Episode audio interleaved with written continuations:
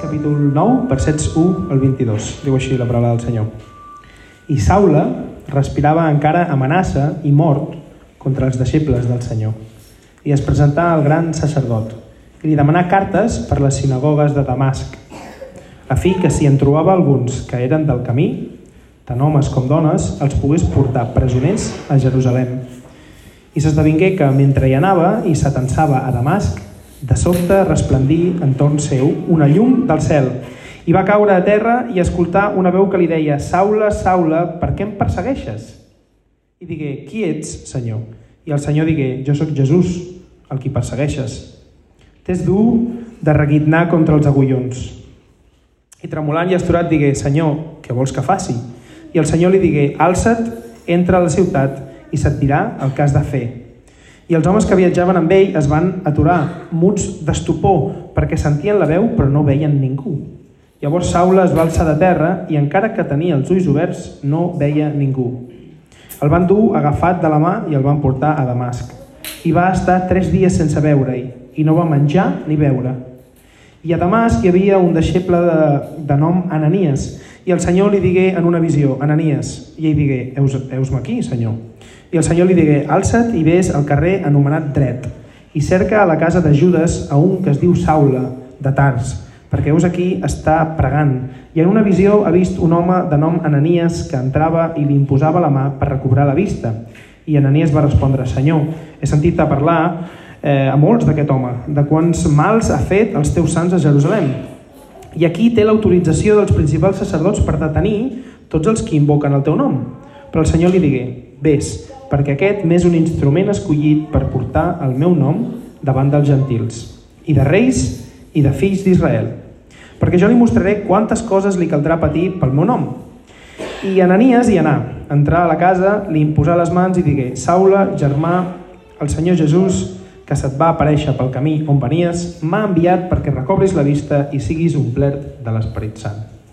I de seguit li van caure els ulls com unes, li van caure dels ulls com unes escates i va tornar a veure immediatament. I es va alçar i fou batejat. I va prendre aliment i es va enfortir. I Saula s'estigué alguns dies amb els deixebles que eren a Damasc. I de seguit, en les sinagogues, predicava al Crist, que aquest és el fill de Déu. I tots els que l'escoltaven restaven atònits i deien no és aquest el qui a Jerusalem destruïa els que invocaven aquest nom? I no havia vingut per això, per emportar-se els presoners cap als principals sacerdots? Però Saula encara rebia més poder i confonia els jueus que habitaven a Damasc, demostrant que aquest és el Crist. Amén. Aquesta és la paraula del Senyor. Hola i benvingut al podcast de Ciutat Nova, una església protestant al barri 22 arroba de Barcelona. Bona tarda a tothom. Bueno ver, eh, vernos poco a poco ya al regreso, ¿no? Después del verano, que siempre a algunos nos cuesta un poco más que a otros. A algunos nos cuesta regresar, a algunos nos cuesta eh, quedarnos en el verano por demasiado tiempo, pero es bueno, es bueno regresar a cierta normalidad y estar juntos en esta mañana uh, para escuchar la palabra del Señor, para ser, como siempre, uh, ser confrontados y confortados por ella. Siempre el Señor tiene algo para nosotros y agradecemos siempre que nos prepara a lo largo de la semana, aún las circunstancias, aún los contratiempos, aún las crisis de la semana. ¿Qué tal si están conectados con esa obra que el Señor tiene para nosotros y esa provisión suya a la que quiere apuntar cada vez que nos vemos juntos? Así es que confiando en eso, mis hermanos, nos vemos el día de hoy uh, con, uh, juntos.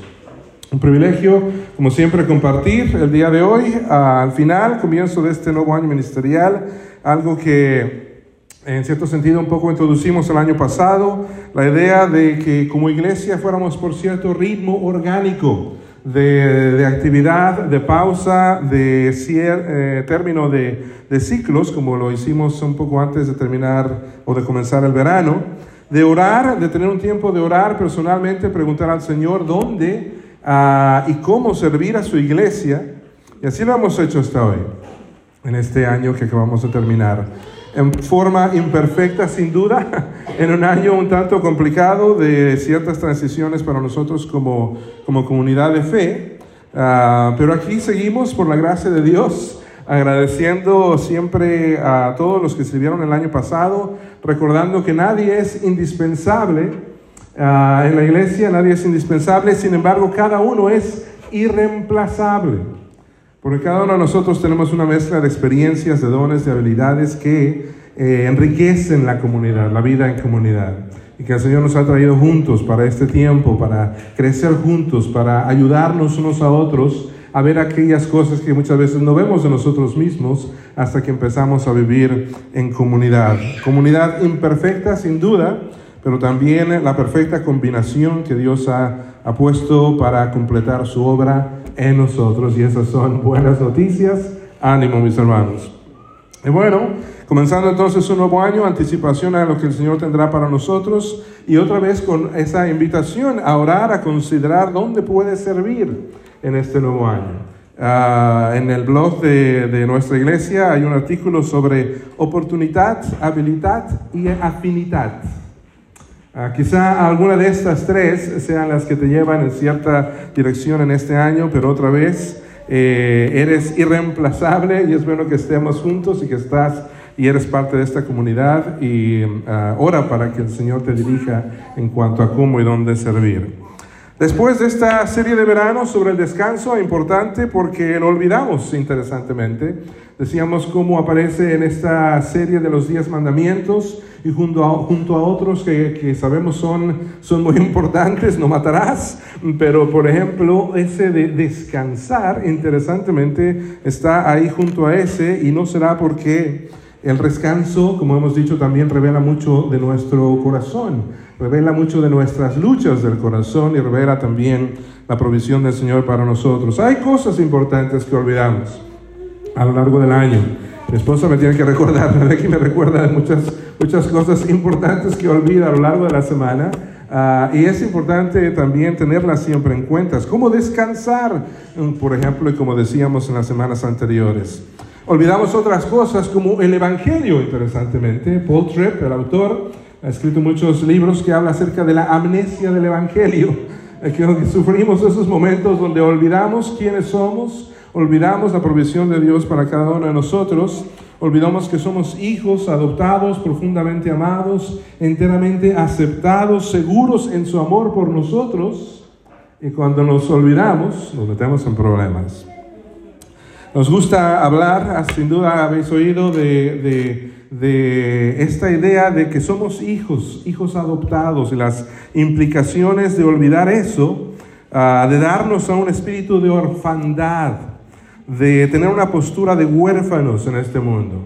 Personas que no tienen nadie, que tienen que valerse por sí mismo. El libro de Gálatas, uh, interesantemente, hace esa comparación entre hijos y esclavos, no entre hijos y huérfanos o entre libres y esclavos, pero entre hijos y esclavos, interesantemente, y por esas dinámicas e implicaciones que el actuar como si fuéramos huérfanos nos lleva y produce en nuestra vida. Olvidar el Evangelio es peligroso.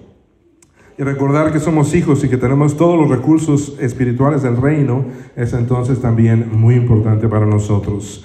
Ah, de hecho, es lo que hacemos cada semana, ¿no es cierto? En la predicación de la palabra, recordar las buenas noticias de la provisión de Dios en el Evangelio. Lutero decía que en la predicación cada semana tenemos que darnos, como acomodarnos en la cabeza hasta que, hasta que nos entre de alguna manera y penetre hasta, hasta nuestro corazón uh, y lo recordemos. Él también hablaba de lo imprescindible de predicarnos a nosotros mismos, inclusive el Evangelio, Sí reconocer nuestros pensamientos que llegan a nuestra mente, nos perturban muchas veces a lo largo de la semana. Sí reconocer nuestros sentimientos que muchas veces también nos embargan. Aceptar su efecto en nuestra salud emocional, pero no quedarnos ahí. Más bien reorientarlos, someterlos a una verdad mayor. Predicarnos a nosotros el Evangelio. Someterlos a una verdad absoluta, la de su palabra. Recordar su provisión en el Evangelio, muy importante en nuestro crecimiento espiritual. También hay otra, otra dimensión, la de predicarnos unos a otros del Evangelio, interesantemente. La, de, la que necesitamos oír de otras personas a nuestras vidas en ciertos momentos y en ciertas circunstancias que también las olvidamos. Por, porque de pronto nos vemos abrumados por las circunstancias, porque de pronto eh, quizá hay alguna situación que nos, nos bloquea de, de, de, ciertas cosas importantes y de ahí la importancia de predicarnos y recordarnos unos a otros la provisión de Dios y el Evangelio. Decía Lutero, para que no nos desanimemos. Para que no nos desanimemos. Es importante, hermanos, recordar esas cosas que son importantes en la vida de fe.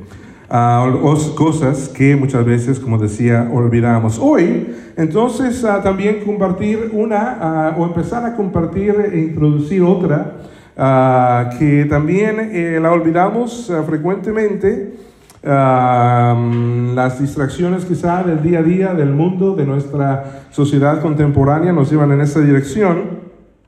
Y es importante entonces recordar la misión de Dios y nuestro papel en ella. ¿Cuándo fue la última vez que reorientamos nuestra vida en función o en respuesta al Evangelio y sobre nosotros, o en función y respuesta a la misión de Dios?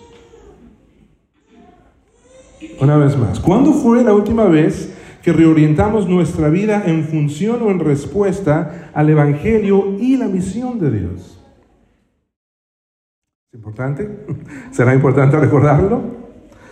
Uh, es lo que queremos hacer en los próximos domingos. Al comenzar este nuevo año ministerial, de regreso después del verano, recordar su misión, recordar nuestra misión, recordar nuestro papel, recordar la misión y visión de la iglesia y al poco a poco regresar a esta nueva normalidad de nuestros ritmos de vida. Uh, y porque tendemos a olvidar las cosas importantes. El título de la predicación de hoy, Misión de Dios, una evidencia del Evangelio, viene también de una frase de Tim Keller que dice, uno de los efectos gozosos de la obra del Evangelio en nuestras vidas es la enorme energía que produce en nosotros y para ser sus testigos. Otra vez. Dice, uno de los efectos gozosos de la obra del Evangelio en nuestra vida es la enorme energía que produce en nosotros y para ser sus testigos. Así que en las próximas semanas y en estos días una invitación a examinar nuestra salud espiritual, en ese sentido, a nuestra respuesta a la obra del Espíritu y ver esas evidencias de la gracia de Dios obrando en nuestra vida y llevándonos en fe en nuevas direcciones, quizá al comenzar también este nuevo año. Hoy lo vemos uh, en, uh, a través un poco de este recuento en la historia de Pablo, en este pasaje. A mí me gustan mucho las, las biografías, me, me, no sé si es por mi edad, que me, me gusta empezar a, a leer de, de, la historia de las eh, personas, personajes, sus experiencias, sus etapas en la vida. Uh, alguien ha dicho que Dios nos ha dado historias en la Biblia, y una historia, por supuesto, su historia en particular, pero me gustan las historias y las biografías Ah, porque mi propia vida y nuestras vidas, a final de cuentas, son historias, ¿no es cierto? Con capítulos, con, con momentos uh, de, de, trágicos, de alegría, de victorias, etc. Uh, ¿Y qué tal si Dios utiliza historias y nuestra historia para conectar con Él, para aprender de Él, para, aprenderme, para entenderle mejor en nuestra propia vida? Alguien ha dicho, uno, se, uno vive la vida de cara hacia el presente, pero Kierkegaard decía, no, pero para entender tu vida tienes que mirar más bien atrás y ver cómo, cómo, cómo ha estado el Señor obrando en tu propia vida. Cuando escuchamos la historia de otros y cómo Él ha tratado con ellos, de alguna manera también nos ayuda y me ayuda y me anima. Pero entonces, por ejemplo, en los personajes bíblicos, su humanidad, sus defectos, sus virtudes, sus imperfecciones, y a pesar de todo esto, la obra de gracia de Dios en su vida, y no sé tú, pero eso me anima. En mi propia vida, en mi propia historia, todavía en proceso, todavía en progreso, uh, veo como Dios cumple sus propósitos a través de ellos, en ellos y muchas veces a pesar de ellos. Y eso me anima. Y eso me anima. Entonces vemos en este pasaje y específicamente en la vida de Pablo, al llegar vemos un poco como Pablo en este eh, libro de Hechos entra una vez más en escena, si vamos en los capítulos anteriores, vamos, hemos visto quizá cómo él había estado y había aprobado la muerte de Esteban.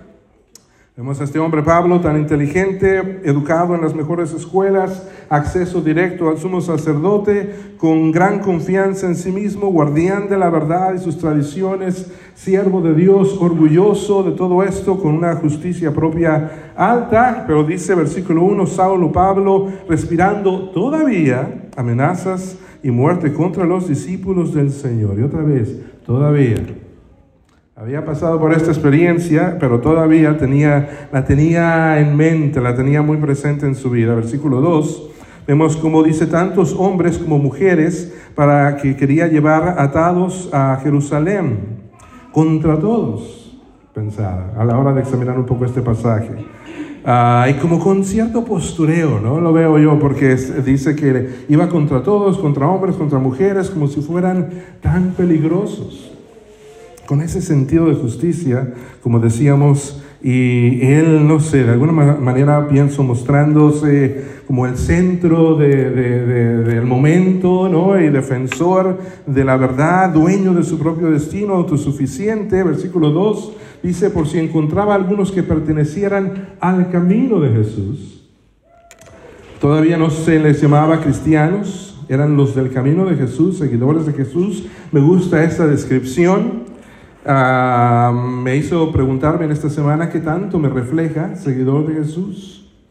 Mientras tanto, Pablo todavía con esta postura de justicia propia, pero en realidad, como vamos a ver, afrenta a Dios, interesantemente.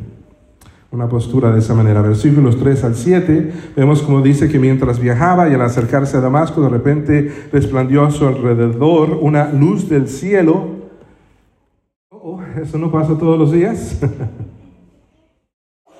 al caer a tierra, dice, literalmente esta experiencia lo tumba del caballo, lo descoloca completamente. Me pregunto, ¿te has sentido, nos hemos sentido así en algún momento de nuestra vida? Que las circunstancias te descolocan completamente. Te ves como sin fundamento, como, si, como en tierra movediza. ¿Qué tal si eso es bueno para la obra de Dios en tu vida? Dice, sigue diciendo, oyó una voz que le decía, Saulo, Saulo, ¿por qué me persigues? ¿Qué tal si muchas veces lo que creemos que es nuestro problema no lo es? Y lo que creemos es también la solución tampoco lo es. ¿Qué tal si es muchas veces ir inclusive en contra de Dios. ¿Quién eres, Señor? preguntó Saulo. El Señor respondió, yo soy Jesús a quien tú persigues.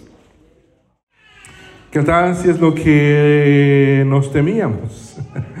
Algunos de nosotros nos hemos encontrado en ese, en ese momento en nuestra vida. ¿eh? ¿Qué tal si esta, este mundo espiritual, esta, esta vida de fe no es un cuento, no una fábula, no es ni siquiera una verdad, pero que no conecta ah, con nada conmigo en este tiempo? Pero ¿qué tal si es ahora y de pronto lo más importante de la vida? Porque dicta nuestra relación con nuestro Creador y su propósito para nuestras vidas. Levántate, dice, sigue todavía, dice todavía, entra a la ciudad y se te dirá lo que tienes que, lo que debes de hacer. Hmm, quizá debería obedecerlo, me imagino a Pablo diciendo y pensando después de esta experiencia que ha tenido. Quizá no estoy tan en control como pensaba, quizá, no soy tan fuerte como creía. Dice que los hombres que iban con él se, se detuvieron atónitos mudos, oyendo la voz pero sin ver a nadie, un asunto personal. Quizás las personas a nuestro alrededor no lo entienden, quizás eh, este momento que de pronto nos está llevando a, replantearnos toda nuestra vida es algo muy personal. No estarás quizá o has pasado alguno de estos momentos en tu propia vida y las circunstancias parecían como si fueran en contra de ti.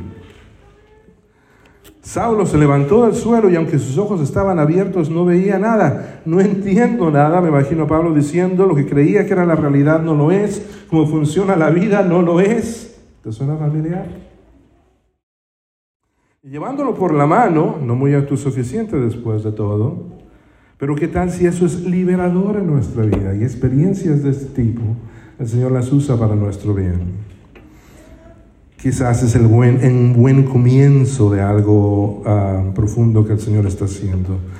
Un proceso difícil, muchas veces doloroso sin duda, personal, y se lo trajeron a Damasco, estuvo tres días sin ver y no comió nada. Me imagino que fueron los tres días más largos de la vida de Pablo, repasando en su mente todo lo que había pasado, todo lo que había sido su vida hasta ese momento, tratando de ponerlo en alguna categoría de su propia experiencia, de lo que había él aprendido, había entendido, ahora reevaluando todo.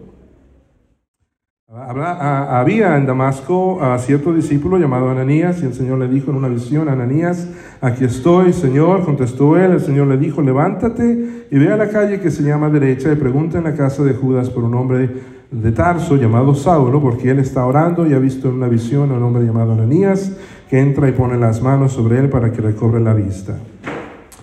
Vas a necesitar a otros hermanos que te ayuden a recobrar tu vista en procesos así en momentos así.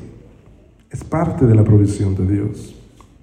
Pero Ananías respondió diciendo, Señor, he oído de muchos acerca de este hombre, cuánto mal ha hecho a tus santos en Jerusalén, y aquí tiene autoridad los principales sacerdotes para aprender a todos los que invocan tu nombre. Pero el Señor le dijo, ve, porque Él es mi instrumento escogido para llevar mi nombre en presencia de los gentiles, de los reyes y de los israelitas. ¿Qué tal si el Señor tiene planes preciosos todavía para ti?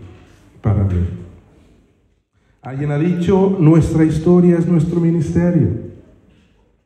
Ah, sí, a veces duele recordar lo que, lo que hemos hecho, las experiencias difíciles por las que hemos pasado, pero ¿qué tal si esa parte de nuestra historia es también ah, como Dios en su momento la utilizará para bendecir y para dar ánimo a otras personas en su propia historia?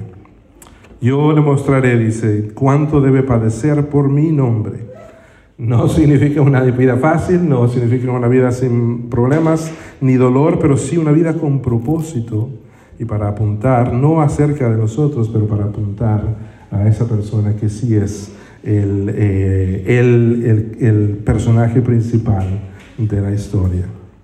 Ananías fue, entró en la casa después de poner las manos sobre él, ironías de la vida, quien había sido perseguidor, perseguido por Pablo, ahora ora por él ¿Qué tal si las personas que antes veíamos como obstáculos, como problemas para nosotros, son en realidad instrumentos, aún sin saberlo, en las manos de Dios y para llevar a cabo sus buenos propósitos en nosotros?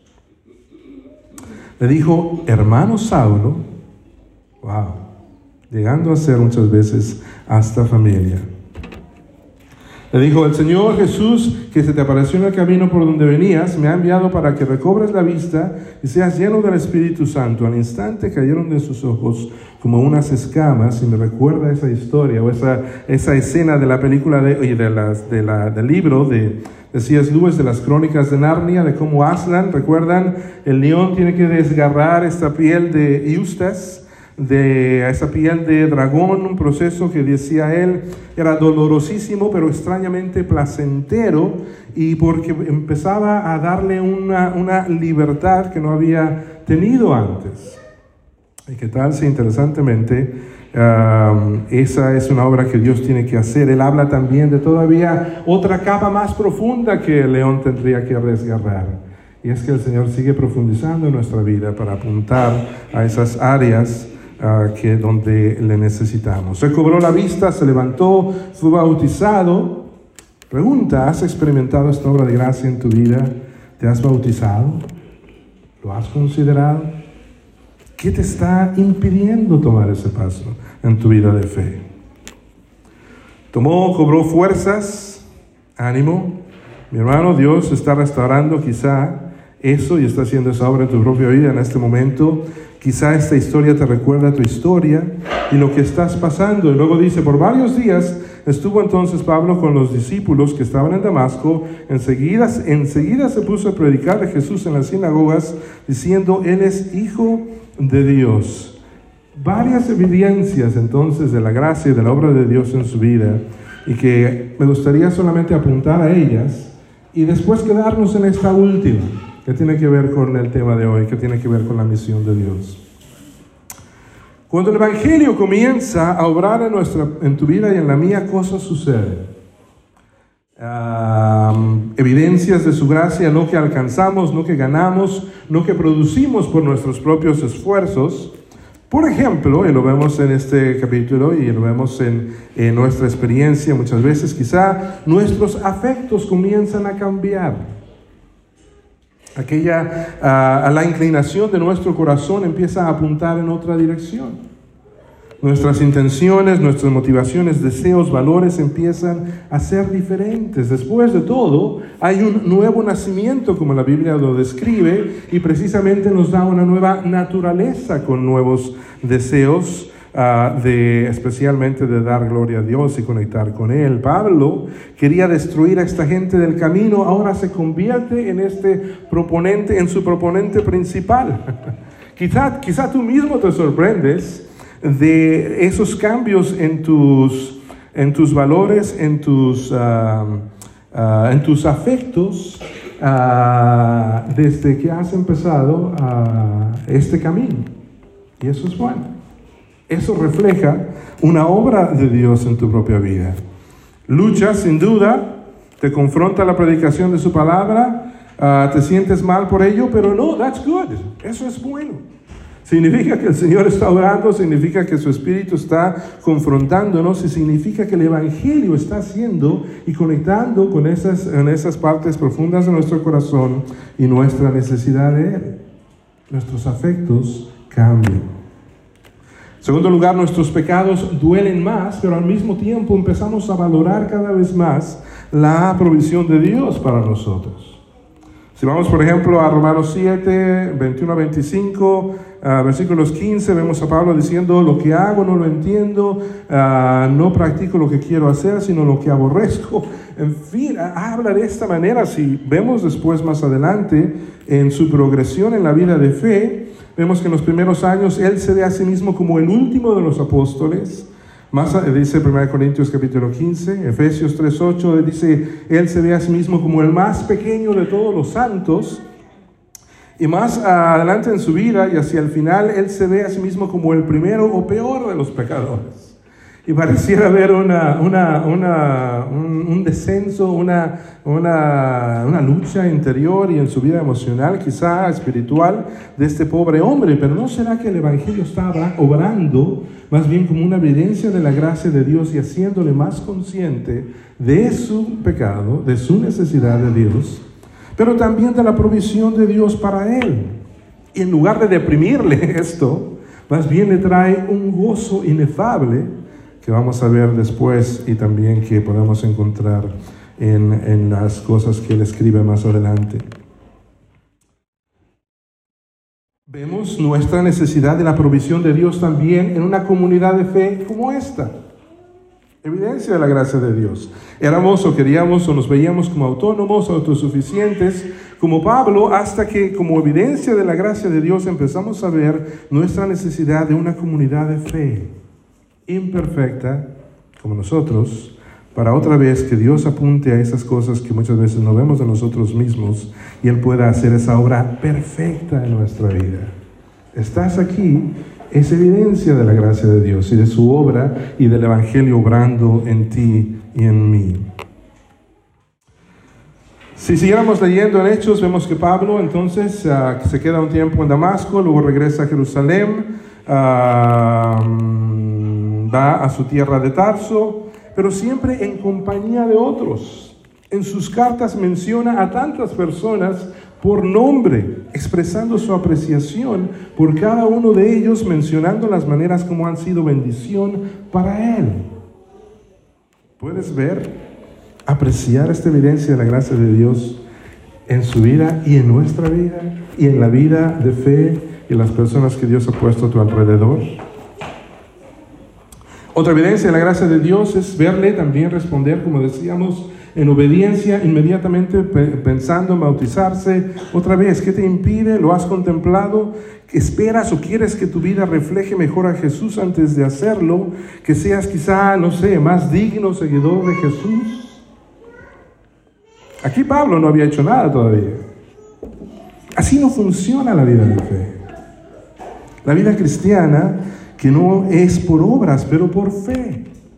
¿Recuerdas a Jesús en su bautismo? Hubo una vez una voz del cielo que decía, este es mi Hijo amado en quien me complazco. Y Jesús aún no había, aún no había inclusive comenzado su ministerio y ya tenía el agrado del Padre. Y eso le llevaba a responder con gratitud, no para agradarle, que sí le agrada al Padre, pero no es dependiente de nuestro performance, no para ganarnos su atención, no para ganarnos su favor es simplemente una respuesta, un deseo de abrazar esta vida de fe en gozosa dependencia de Él. Y por último, y en estos últimos minutos, el considerar la misión de Dios como otra de esas evidencias de la gracia de Dios obrando en nuestra vida. La misión de Dios es algo grande es tan grande que, ¿qué tal si en lugar de decir que la iglesia tiene una misión, alguien ha dicho, más bien deberíamos decir que la misión de Dios tiene una iglesia? Es esta gran misión de rescate de la humanidad, ah, de lo que Dios ha venido haciendo a lo largo de toda la historia de la humanidad. Dios es, es, es casi parte de su naturaleza. El Padre es la fuente de la misión, el Hijo es la encarnación de la misión. La misión de Dios se lleva a cabo con el poder del Espíritu. Vemos entonces, por ejemplo, el Hijo siendo enviado. Vemos a Jesús enviar también a sus discípulos. Dice, como me envió el Padre, así también yo os envío. Jesús establece una iglesia, eclesia, que significa sacados fuera. Pero interesantemente, y después de, formar esta comunidad, también Él los envía y dice, id por todo el mundo. Y este id, ¿qué tal si más que al llegar conecta con lo que Dios está haciendo ahí, ¿qué tal si la idea fuera más de al ir yendo? Y en cada día de nuestra vida, en nuestro día a día, ah, ¿qué tal si en lugar de vivir nuestra vida y compartir nuestra fe como dos cosas separadas, independientes, sin insolubles de alguna manera, pudiéramos vivir nuestra fe al compartir nuestra vida? Es entonces que nuestra misión como iglesia es reflejar su misión. En la iglesia buscamos tener esa proclamación, pero también la demostración del Evangelio. Proclamamos estas verdades con autoridad, pero buscamos vivirlas con gracia. No solo es ven a la iglesia y ve, pero también pensar y nuestro papel y decir vayamos y mostremos.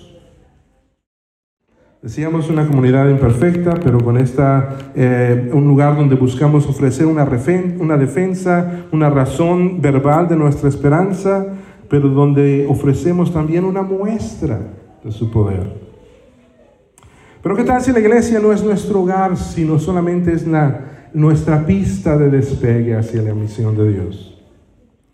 Ah, recuerdo una iglesia que, que, me gustaba mucho, que había un como al entrar muchas veces vemos que dice bienvenidos ¿no? a, nuestro culto, esta iglesia tenía un letrero a la salida. De manera que cuando ya ibas para afuera, decía bienvenido a tu lugar de misión. ¿Qué tal si es al saliendo de nuestra iglesia donde conectamos con lo que Dios en realidad está haciendo allá afuera? Ah, viviendo nuestra fe compartiendo nuestra vida en forma imperfecta, sí, pero con intencionalidad. Porque it's not about us anyway.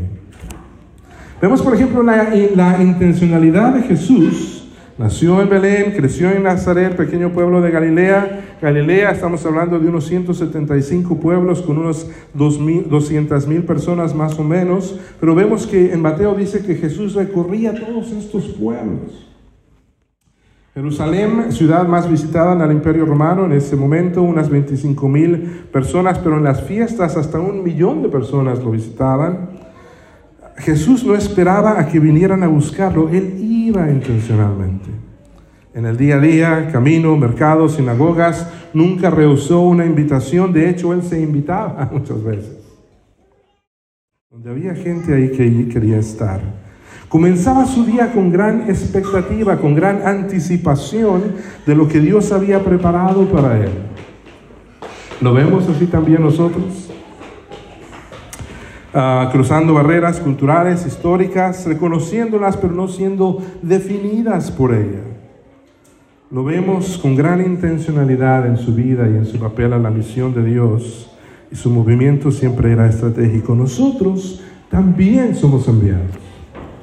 Y nosotros, y la evidencia, una evidencia de la gracia de Dios obrando en nuestra vida, es reconocer esto, es recordar esto, y es reorientar inclusive a veces nuestra vida en función del Evangelio y la misión de Dios.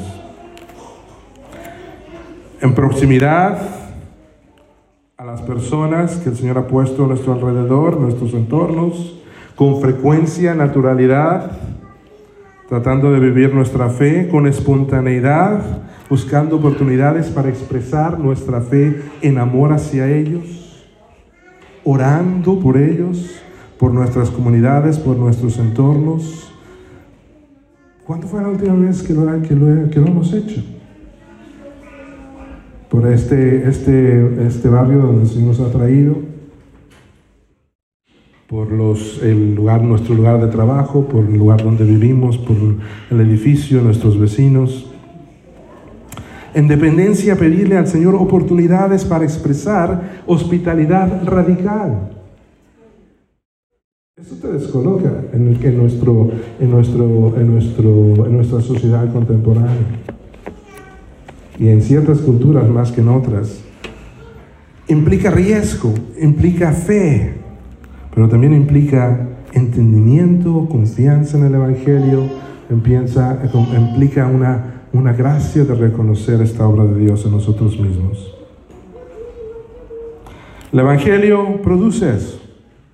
Al darnos cuenta de su misión, del privilegio, de la seguridad de ser y estar seguros en Él, nos da la libertad de unirnos a su misión porque Él es fuerte y no nosotros. Podemos depender de Él. Nos da la libertad de unirnos a su misión porque nuestra identidad es segura. No podemos perder o ganarnos su favor. Alguien más ya lo ha hecho y lo ha asegurado por nosotros. Podemos entonces arriesgar un poco más.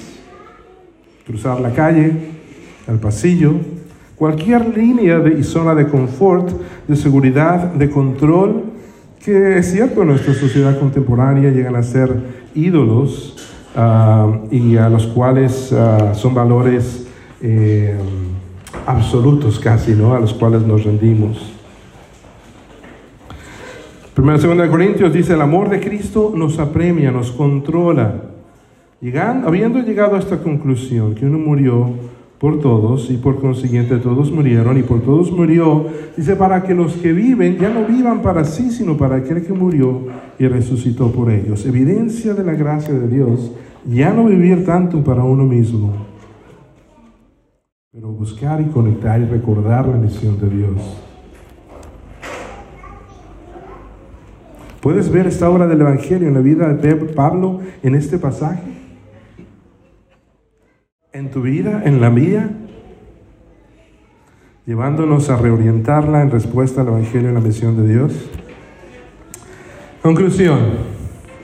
En Lucas 10 vamos a, vemos a Jesús enviar a 70 de sus discípulos, regresan súper contentos, ven al Señor obrar, pero el Señor les, les dice, uh, gozaos primeramente, no, no por esto, pero porque vuestros nombres están escritos en el libro de la vida.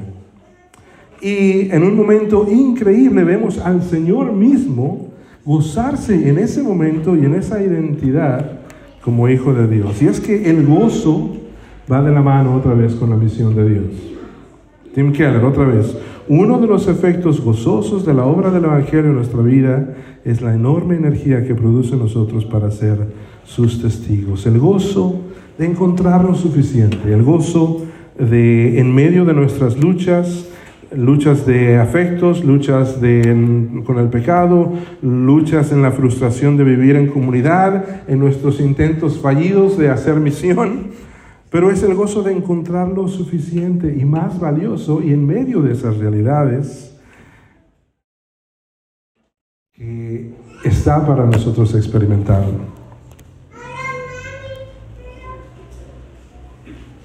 Vemos a Pablo responder e ir y predicar.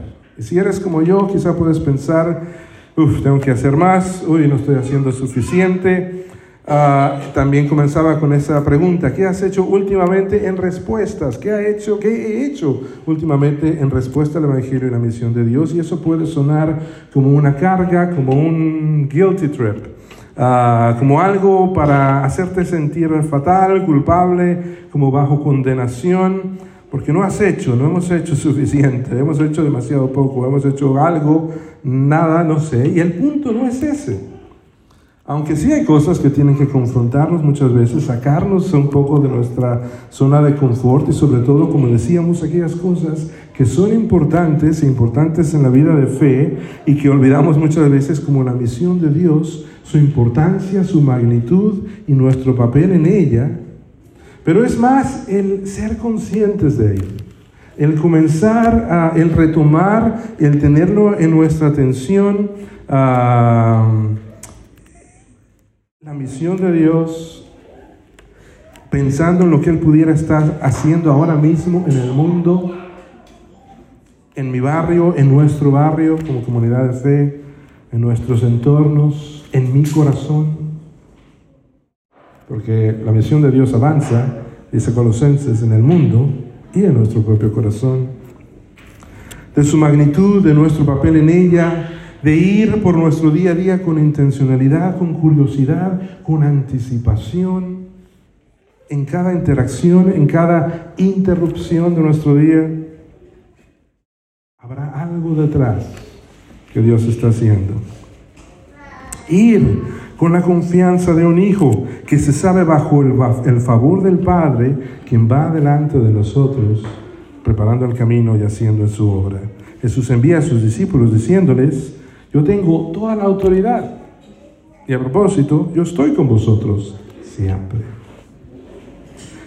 Y sí, mis hermanos, las buenas noticias de la gracia de Dios en el Evangelio, para ti y para mí, son que gracias a la obra de nuestro Señor Jesucristo, en nuestro favor y en nuestro lugar, podemos tener esta seguridad que Él tiene toda la autoridad y nos envía y está con nosotros y que esto significa que podemos involucrarnos en su misión con gran gozo, sabiendo que es su misión, que Él es el que está en control y que nosotros tenemos el privilegio y oportunidad de ser parte de ella.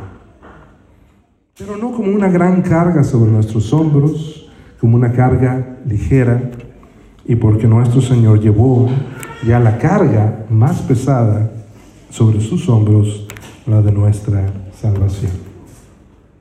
Piensa en esto encuentra tu descanso en Él. Gràcies per escoltar aquesta predicació. Si tens preguntes respecte al seu contingut o vols tenir una conversa sobre l'Evangeli, no dubtis en contactar-nos. Escriu-nos o visita'ns a www.cn22.org.